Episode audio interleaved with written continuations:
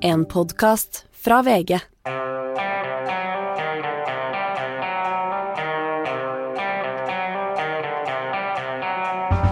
Ikke visste jeg at alle disse dagene som kom og gikk, de var selve uke 28. Det er eh, høysommer i, i Norge, men eh, noen holder hjula i gang her i Podme-bygningen i eh, Akersgata i Oslo. Eh, her i Evrøyengen så har vi altså hatt en sommerserie hvor vi hver fredag har hatt besøk av eh, en prominent eh, politisk kommentator, stort sett bare politiske redaktører faktisk, fra Norges største aviser, som skal snakke om valget og den forestående valgkampen i deres distrikt. Denne uka er det Eirin Eikefjord som er politisk redaktør i Bergens Tidende. Men aller først statsviter og statsvitenskapelig nestor Bernt Årdal om hva som står på spill i Bergen og omegn. Ja, eh, Bernt Årdal, eh, Bergen, en stat i staten, mener mange, en Hansa-stat eh, i staten, og med en ganske spesiell politisk situasjon. Hva bør vi følge med på der framover mot valget? Ja, nei, der har det jo skiftet hva skal vi si, koalisjoner. De har ikke skiftet byrådsleder, ja, de har skiftet byrådsleder, men ikke partitilhørighet for byrådslederen. Men, men der, der viser jo også at det er en veldig vanskelig og krevende situasjon, og at du har en del Sist så var det jo da ved sist kommunevalg så var det jo denne folkeaksjonen mot bompenger som fikk veldig stor oppslutning. Den har liksom fislet litt ut, eller blitt eh, en del splittet og, og blitt svekket, men man skal heller ikke se bort fra at det kan komme nye grupperinger som, som markerer misnøye.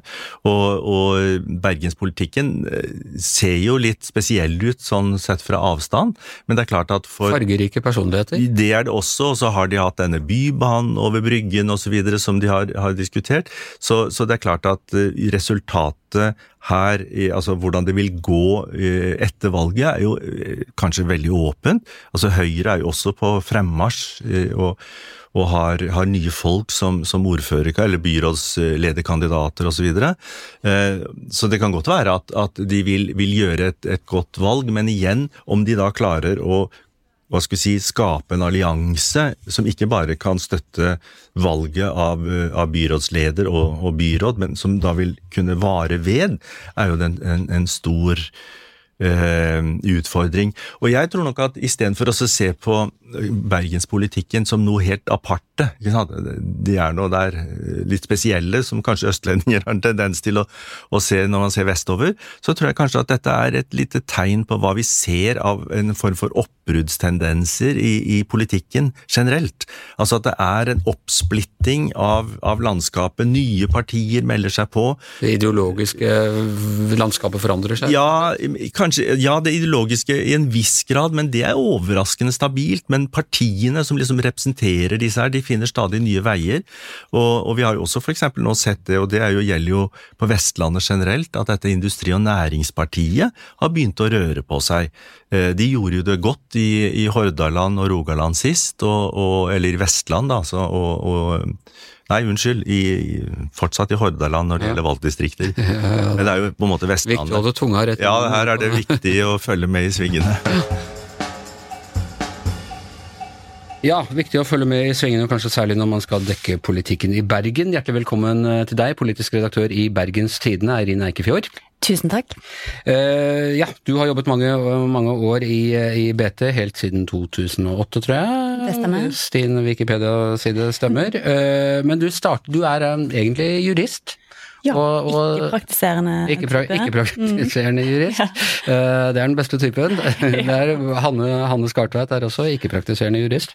Og, eh, men du startet, eller du, som kommentator i hvert fall, så startet du med å kommentere rettssak. Jeg tror vi møtte hverandre første gang under eh, 22. juli-saken. Ja, det stemmer. Eh, så det har jeg gjort i mange år. Ja. Og jeg har jo skrevet en del om rettspolitikk og justisfeltet før, og så etter at jeg ble politisk redaktør, så har jeg jo skrevet mindre om det, og da mer om Ja. politikk. Og mange av de store, tunge og ganske vonde sakene som du har, du har vært inne i. Ja, absolutt. Eh, Ja, 22. juli, som sagt. Ja. Erik Jensen, Bertheussen. Det er jo ikke alle som er så vonde. Og Nei da, noen er jo noen har faktisk eh, underholdningspreg. ja. Ja, i Bergen nå så har vi jo hatt en eh, gjengvoldtektssak som har preget nyhetsbildet veldig sterkt, Mm. som jeg har vært inne i. Ja.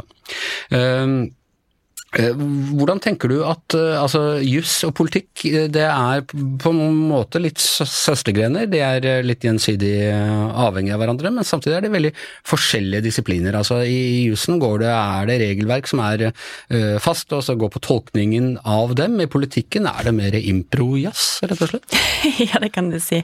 Kanskje det skulle vært litt mer impro-jazz i jussen? Det hadde vært litt Har vært litt i Høyesterett. Ja. men, men sant, jussen er jo et samfunnsfag òg. Det er jo kanskje det man må huske på. at ved å forstå jussen, så forstår man jo ganske mye mekanismer i samfunnet. Og rettsliggjøring gjør jo at jussen styrer ganske mye av våre liv. Styrer den mer enn den gjorde?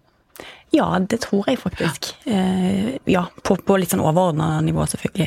Vi ser jo i USA hvor, eh, hvor de er veldig skeptiske til myndighetenes inngripen og sånne ting. Der har jussen en, en, mye større plass, og ganske mye av det amerikanske samfunnsliv er eh, bundet opp. Altså se på presidenten og i det hele tatt i juridiske prosesser. Ja, ja, ikke minst. Og, og hvor mektig Høyesterett er i USA. Det er jo kanskje den mest interessante forskjellen. At der er det jo liksom politiske superstjerner, mens her er de mer grå eminenser som ingen kan navnet på. Nei.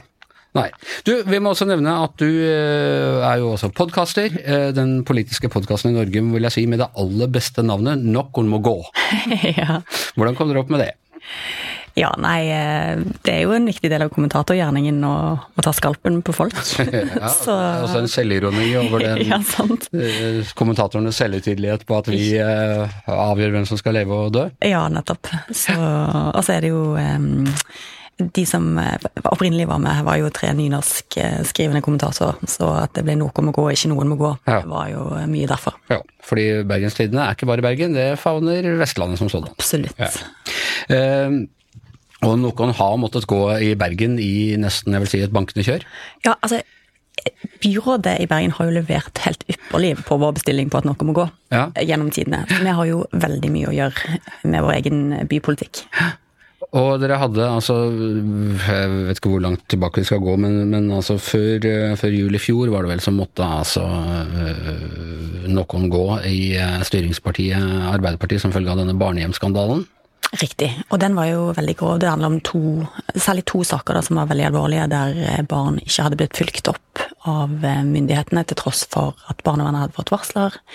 Og at det, det, var jo da viste seg at eh, kontrollen med barnevernet var for dårlig.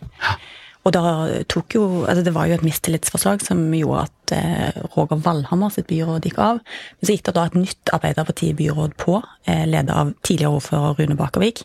Eh, da satt de kun igjen med Arbeiderpartiet og Venstre. Så det er de som styrer i byen nå, og har gjort det siden i høst. Ja, for, og de mistet liksom sitt samarbeid med hele eh, venstresiden? Både SV og Rødt eh, sa takk for seg? Ja, de, nei. Det byrådet som var, besto av eh, KrF, MDG, Arbeiderpartiet og Venstre.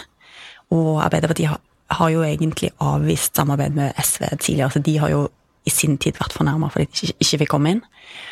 KrF gikk ut i august, før dette skjedde, eh, og med begrunnelsen av at de var lei av en sånn konfliktstyrt byutviklingspolitikk, og var vel egentlig lei av å altså, sitte limt til et byråd som ikke hadde suksess. Jeg tror de så seg bedre, mer tjent med å bare gå ut og være fri og kunne gå til høyre, hvis det var Og de så, de så seg tjent med det. Og, nei, og MDG ble rett og slett kasta ut. Kasta ut av hvem? Av Arbeiderpartiet ja. når dette nye byrådet skulle ta form. Mm. Og det handler nok òg litt om at de så at det var mye misnøye med den byutviklingspolitikken og det MDG sto for. At det var at Arbeiderpartiet så seg bedre tjent med å samarbeide med Venstre. Og, så ja, Konklusjonen på det er vel at Arbeiderpartiet har eh, skaffa seg en del politiske fiender som de helst burde vært venner med. Men det som da har skjedd, det er jo det alle vi ivrer for i alle sånne store moderate, politisk moderate aviser, som BT, som vel egentlig var en venstreavis i utgangspunktet, men, men eh, og VG og sånn. Vi, Høyre og Arbeiderpartiet, det er de to store styringspartiene, og, og har, jeg vil jo påstå at våre lederskribenter har et ganske godt poeng. De er enige om alle de store tingene, og det har skjedd i Bergen. Der har man blitt enige om et budsjett, Arbeiderpartiet og Høyre. Ja, og det var nok veldig, veldig tungt for Arbeiderpartiet. fordi at det som skjedde, var jo at de skulle eh, inngå budsjett med sine tidligere byrådspartnere. MDG, eh, Venstre eh, KrF. Men MDG trakk seg da og ga ikke støtte. Og da måtte de gå til Høyre. Så det var jo et desperat grep, og det er jo ganske et nederlag for, for et parti som allerede har gått ut av byrådet og hatt sine kriser, og så må de på en måte gå til Høyre for å få støtte. Ja, som er Så jeg tror det arvefienden. satt langt inne. Men samtidig, det er jo ikke altså, I den politiske realiteten man opererer i, så står jo ikke Arbeiderpartiet og Høyre så langt fra hverandre. Neida, Verken er nasjonalt en- eller lokalt. Absolutt ikke, så det er jo pragmatisk. De måtte gi en del på eiendomsskatt, som jeg tror smerter. Men eh, sånn sett så var det jo ikke veldig, veldig stor uenighet. Nei, men så får de da selvfølgelig et problem når valgkampen kommer. Når, eh, når eh, de da skal Altså, eh, Kristine Meyer fra Høyre har et problem med å si at Arbeiderpartiet driver vanstyre når, eh, når eh, hun har vært med, eller Høyre har vært med på å sette sitt eh, fingeravtrykk på, på eh, budsjettet. Og ordfører Rune Bakkevik får problemer med å si at eh, Høyre vil føre til død og fordervelse hvis de skal overta, når han har søkt samarbeid med dem for å få gjennom budsjettet. Ja da, så ingen eh, ikke optimalt dette for noen. Hvordan, men hvordan tror du denne valgkampen da vil eh, arte seg i Bergen? Ja, det blir kjempeinteressant, faktisk. For det, de siste ti årene så har jo Bergen vært plaga og pint av denne bybanesaken, som, som er kjempeinteressant. For at han, han splitter partier, han går på tvers av tradisjonelle partilinjer, og han er òg eh, den, altså den bestemmer nesten hvem som skal sitte med makt i Bergen. I helt korte trekk, hva er det man har vært uenige om der? Det er Bryggen, har jeg skjønt. Det er traseen Altså, Bybanen skal til Åsane, og enten så kunne han da gått i en tunnel gjennom fjellet, eller han kunne gått over Bryggen, altså disse små ikoniske husene. Bryggen, ja. ja. verdensarvstedet. Og det vekker veldig mye følelser. Som veldig mange imot det rent på sånn nostalgisk grunnlag. Men så er det jo òg saklige argumenter for å legge i tunnel. Sånn at, men det er trasévalget som har splitta byen. Og det interessante med dette er at både Arbeiderpartiet og Høyre har snudd i denne saken. Og Arbeiderpartiet snudde fordi at de så en mulighet til å gå inn i byråd sammen med Venstre og KrF. Så det er jo sentrum i Bergen som avgjør hvem som skal styre, men det har òg vært Bybanen. Og det de altså ble enige om, var at den skulle gå over Bryggen? Til slutt, men det har jo vært en lang prosess, og det gjorde jo òg at Arbeiderpartiet-byrådet før de gikk av i høst, gikk av i fjor høst. Ja. Høsten 2021 var et slags sånn skjebne, eh, eller skjebnemøte for Bybanen. Da måtte de få flertall for Bryggen eller tunnel. Det som skjedde var at tunnel fikk flertall, altså Høyre ønsker tunnel, Arbeiderpartiet ønsker Bryggen. Og det gjorde at Arbeiderpartiet sin byrådsleder stilte kabinettspørsmål, gikk av, men så gikk han på igjen en uke senere. Sant? Du kan jo du skjønner, dette er Ja. det komplette kaos. Ja, Det er veldig bra med den tittelen dere har. Og så spoler vi litt fram til for eh, noen få uker siden, da de hadde et altså Nå har jo Arbeiderpartiet og Venstre som sitter i byrådet sammen, jobbet knallhardt for å få en reguleringsplan for å få landa den saken og få en avstemning. Og nå stemte de for Bryggen, som var egentlig det som var utfallet av dette skjebnemøtet høsten 2021. At de sa det er et flertall for det. Et veldig knapt flertall, men det var et flertall. Og det er et viktig skritt, for at har du en reguleringsplan, så kan du få penger fra staten for å bygge. I mellomtiden så har jo den bybanen blitt sykt dyr, det er over 20 milliarder kroner. Det er ingen som egentlig har så veldig lyst til å betale for det. Og en heller ikke lyst til å innføre bompenger, for bompenger var jo òg en sånn kilde til. Yes. Så, så kaoset er jo ikke over, det er bare bitte litt mer løst. Og så har det også gjort eh, skapt vondt blod eh, mot eh, Stavanger. Fordi denne satsingen eh, vil da gå utover eh, veisamarbeidet med, med Stavanger. Og i, eh, i Stavanger så har man kalt det en gavepakke til Austlandet. Og verre blir det ikke mm, på deres kant å gi gavepakker til de der caffè latte-drikkende, ikke-produktive østlendingene. Ja, altså Dette handler jo om veiprosjekter på Vestlandet. At Vestlandet føler seg jo notorisk underprioritert i samferdsel. Man ønsker seg jo trygg vei til Voss, fra Bergen til Voss, altså den Bergensbanen. Man ønsker seg en vei fra Stavanger til Bergen, altså Hordfast, som egentlig nå har flere ferger, men den skal bygge en vei, kontinuerlig vei. Og så har du jo Bybanen. Og så er vel tanken det at staten gidder ikke betale for alt dette, vi må ofre noe. Og for byrådet i Bergen så er det jo lett å se at ok, vi driter i Hordfast. Eh, altså, Hordfast er da denne Eh, Drit i Stavanger, Ja. eh, konsentrerer seg om Bergen. Men det er jo ikke heller sånn at det sitter en pott som heter Vestlandet sentralt der, og så deler de opp. Det, det er jo på en måte ikke sånn det fungerer. Så, det er ikke opp til Bergen å drive og fordele de pengene. Nei. nei.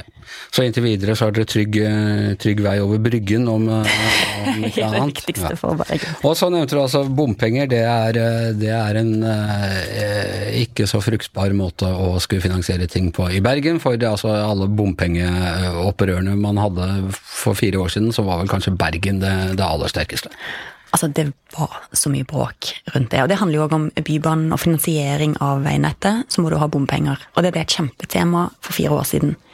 Da fikk vi Bompengepartiet, FNB, som fikk 16,7% Og det er egentlig helt vanvittig at et parti som knapt har eksistert før, slår seg opp på en enkeltsak og får så mye. Og på meningsmålingene som på, på disse tider, liksom i juni, så var de oppe på 25% eller noe sånt. Ja, det var et sjokk. Ja. Eh, og det førte jo til at de, man fikk inn veldig mange uerfarne politikere i bystyret, som til slutt endte med å melde seg ut av dette partiet. Det førte til en sånn ekstrem fragmentering. Sant? Det var i utgangspunktet veldig mange partier der inne. Og så melder de seg ut, og er helt uforutsigbart hva de mener. Så det har vært et styringsgrunnlag. De kasta ut sin egen leder. eh, Ja, ja, ja. Masse kaos. Så det har jo vært et styringsgrunnlag for helvete å styre denne byen for Arbeiderpartiet, som da har prøvd å danne byråd og prøve å få til ting. Og når du da måtte ha et byråd bestående av fire partier, som måtte ha støtte fra tre partier utenfor, så er det klart det blir ikke noe politisk gjennomslag av det. Men, men disse bystyrerepresentantene som da sitter der for bompenger, jeg så Bompengepartiet lå på 0,01 eller noe sånt på, på oppslutning, så de er virkelig det er opp som en løve og ned som en, Ja. ikke engang en skinnfell. Men eh, hva, hvor er de representantene? Har de starta nye partier og sånn, sånn som vi har sett i Kristiansand, eller er det De har, det, finnes jo en kjerne av et parti så vidt, men den, det er helt utradert. Det har ingen utslag, så det er jo egentlig dødt. Ja. Eh, De fleste meldte seg jo ut. altså Det var elleve representanter som kom inn. Ja, ja. Og de fleste har meldt seg ut og blitt såkalt uavhengige. Og Ja. da stemmer de jo litt sånn med fingeren i luften. eh, Men stiller de noe på noen egne lister nå, eller? eh? Nei, det har kommet flere protest, altså Protestpartienes tid er jo ikke over i Bergen. Det tror jeg er god grobunn for i denne byen. Eh, så vi har noe som heter Bergenslisten, som, som egentlig er, ligner på et vis. Eh, de har jo òg bybane over Eller de vil ikke ha bybane over Bryggen som en kjernesak, og de vil heller ikke ha bompenger. Nei. Så de har jo på en måte overtatt den som protest, sånn primært protestparti for byen. Ja. Og så ser vi jo òg at eh, Industri- og Næringspartiet faktisk eh, ja, det nevnte jo Bernt Årdal her. ja. Eh, og så har du sånn Pensjonistpartiet og Senterpartiet er så liten at du nesten kan kalle det et småparti for tiden. Men alt dette, de er jo en trussel på den måten at de, de oppstykker opp bystyret så mye at det blir veldig vanskelig å styre. Så de kan plage de andre partiene i stor grad. De vil ta ganske mye velgere fra Frp, det som i hvert fall i valget i 2019 de to, eh, Bompengepartiet gjorde at eh, Frp gjorde et skikkelig krisevalg. Så de kan jo gjøre at det blir et veldig vanskelig styringsgrunnlag. Eh, Og nettopp disse vanskelige styringsgrunnlagene ofte rundt om, omkring i kommunene hvor eh, gjør jo at partier som eh, ikke nødvendigvis har de store oppslutningene, kan f.eks. holde på ordfører eller, eh, eller byråd. Er det noen som helst sjanse for Arbeiderpartiet her, selv om de gjør det dårlig som i resten av landet, å eh, holde på makten i Bergen, tror du? Altså Ved forrige måling så måtte Arbeiderpartiet samarbeide med fem eller seks partier for å få makt. Og det har de vel ikke så veldig lyst til. Nei, nei. Altså Det viser jo hvor vanskelig det er å finne flertall. Ja. Eh, Høyre har en lettere vei til flertall. Sånn, det, sånn som makrobildet ser ut og har sett ut ganske lenge, så Arbeiderpartiet har jo ikke vært over 20-tallet på over et år. Nå ligger de på rundt 17. Høyre derimot var ikke, flyr liksom høyt på 30-tallet. Sist måling var de på 37. ja. Så, sant, Det gjenspeiler egentlig situasjonen ja, nasjonalt? Ja, egentlig veldig. Og eh, Høyre har jo da et lettere vei til flertall. eh, Sant? I forrige måling så kunne de både få flertall med Venstre og MDG, eller med Frp og Venstre. Altså, så de har, de har et mye mer clean eh, vei til målet. Høyre er et av de stedene hvor MDGs litt luftige påstand at de kan samarbeide med, med også til Høyre, ser ut til å kunne fungere. Ja, så MDG er jo forbanna på Arbeiderpartiet, for de blir jo kasta ut av byråd. Og de har jo liten lojalitet. Da du så jo det, sånn som du vi snakket om, de, de ville ikke samarbeide om budsjett. Og de har jo eh, ingenting å tape på å gå der de får mest Nei. uttelling. Og Kristine Meyer som byrådsleder er jo en sånn lyseblå eh, figur som, som i hvert fall ikke stenger for å samarbeide med MDG. Selv om MDG i Bergen har blitt oppfatta som ganske sånn konfliktorientert og litt krevende, ganske sånn kompromissløs. Og det handler litt om at han som var byutviklingsbyråd, Torgrim Bakke, er den typen av sånn Han har en konfronterende stil, og det er jo litt av det partiets sjel, egentlig, men han òg er jo den typen som tar de konfliktene og ikke er redd for å irritere. Eh, sant? Det har vært masse saker som handler om byutvikling som har vært krevende for liksom, høyresiden og kanskje Ja. like. Så jeg tror nok at velgerne til Høyre ikke vil bli overlykkelige av at et samarbeid med MDG. Nei. Nei. Eh, Ok, hva tenker du om eh, den nasjonale situasjonen? Altså, det er ikke så kaotisk på Stortinget, men det er litt det samme utfordringene som man, man da ser i Bergen? Ja, og Arbeiderpartiet gjør det jo ikke skarpt nasjonalt heller. Og det hjelper jo Sett fra Bergen så blir det jo en sånn forsterkende effekt. Sant? De gjør det, ja, både slitasje i sin egen by, åtte år, skandaler, avganger De har et veldig svakt politisk prosjekt. Og så ser du til regjeringen, og så sliter de jo med mye av det samme. De irriterer næringslivet. Du har et vestlandsopprør som handler om måten de har innført lakseskatt, og måten de håndterer næringslivet og skattespørsmål og, og rammevilkår. Og det er jo selvfølgelig et element av partipolitikk. Sant? Det er veldig lett for Høyre å, å lage, nøre oppover den der eh, Støre bryr seg ikke om Vestlandet, og alt de får med det dårlig når det er Arbeiderpartiet i regjering og sånn. Det er en fortelling som ligger der, som ligger der veldig lenge, og det skal veldig lite til å på en måte hente den opp igjen.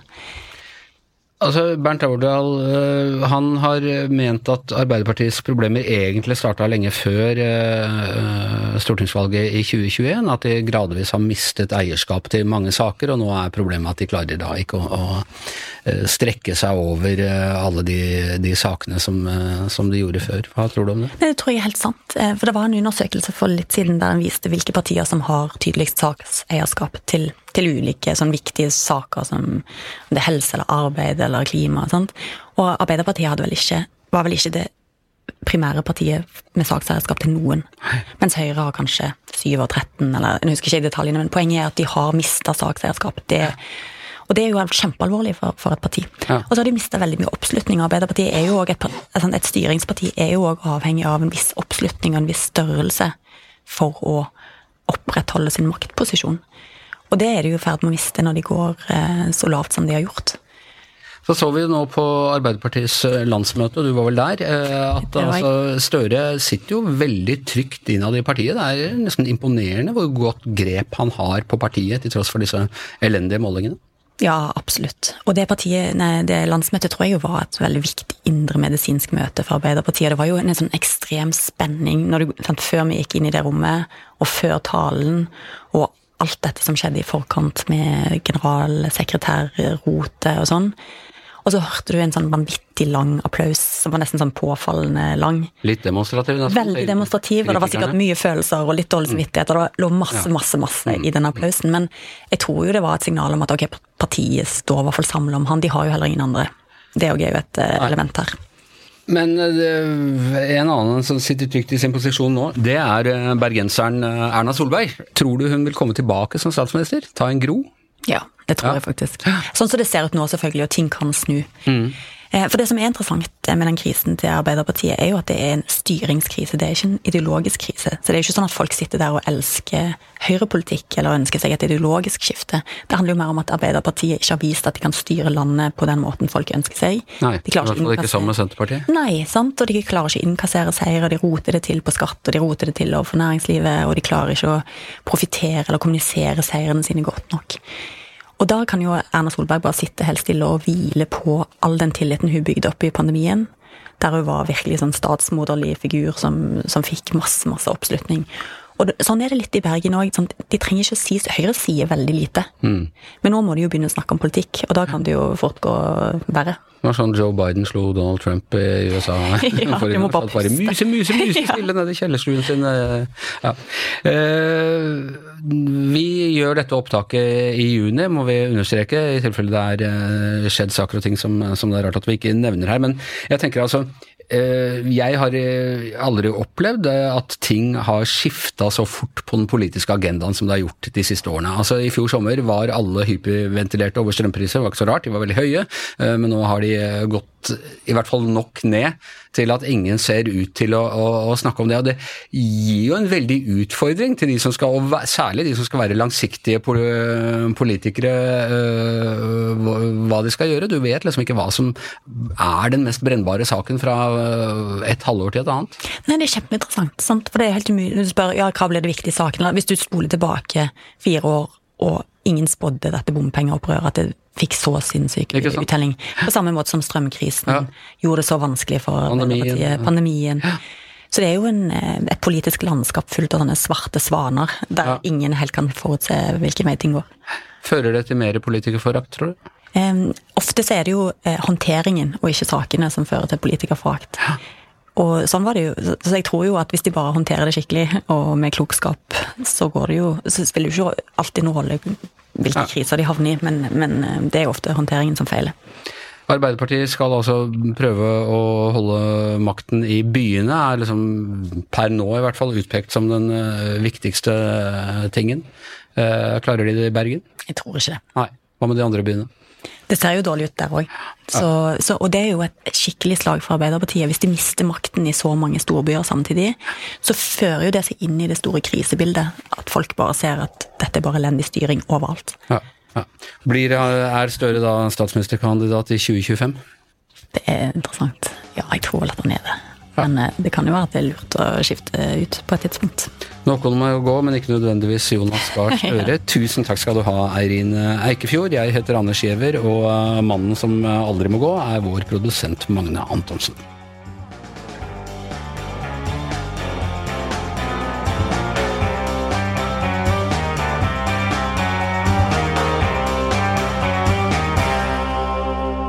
Du har hørt en podkast fra VG. Ansvarlig redaktør, Gard Steiro.